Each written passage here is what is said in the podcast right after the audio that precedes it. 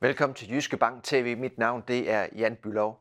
Jeg har lige publiceret en øh, ny olieprognose.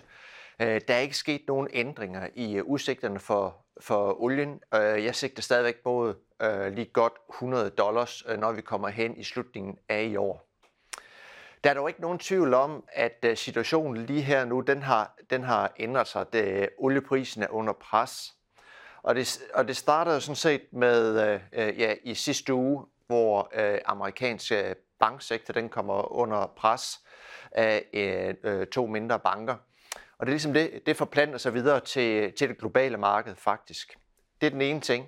Den anden ting er også faktisk samtidig som uroen starter i USA, ja, der blev der faktisk indgået en øh, ny diplomatisk øh, aftale mellem Iran og Saudi-Arabien.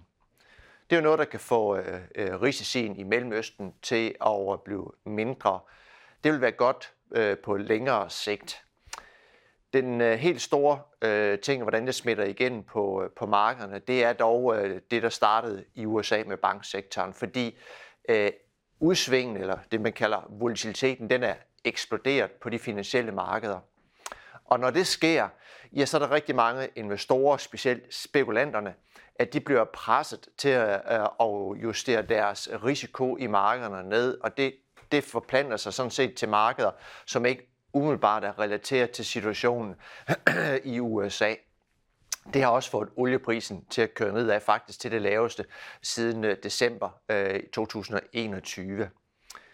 Når jeg så kigger længere frem, er der så noget på fundamentalerne, der har ændret sig. Det er der faktisk ikke her igennem den seneste måned. Øh, som jeg ser på det, jamen, øh, så er det den, den helt store, det er ikke efterspørgselen, den ser sådan rimelig fornuftig ud. Øh, men på produktionssiden, der er det jo det helt store, det er jo Rusland, og hvor, hvor meget olie de øh, vil, vil og kan producere og levere til verdensmarkedet, når vi kigger frem efter. Enormt usikkert. Øh, jeg har faktisk, jeg vil faktisk sige, at det er en lav sandsynlighed for, at jeg rammer, rammer helt præcis her. Men det store indtryk, det er, at øh, Rusland kan ikke helt fastholde øh, sin, øh, sin olieproduktion, specielt af øh, olieprodukter, diesel, benzin osv. Det, det er svært for dem at få rundt i verden. Kina, Indien, de raffinerer netop øh, selv øh, deres øh, olieprodukter. Det betyder, at russiske øh, olieproduktion den vil gå lidt lavere. Det betyder også, når vi kommer øh, lidt længere hen her i anden kvartal, ja, så kommer der underskud på verdens oliebalance igen. Det vil sige, der bliver træk på olielagerne.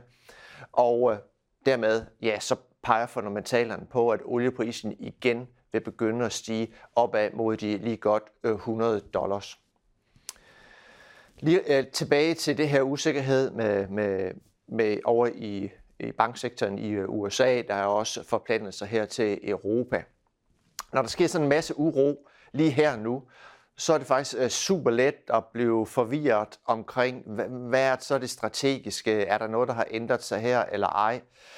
Så lige for at holde helt fast i, de, i det helt store strategiske øh, billede, hvad er det for noget, der kommer til at, at drive oliemarkedet, energimarkedet og andre markeder, øh, specielt metaller, øh, i årene øh, fremover?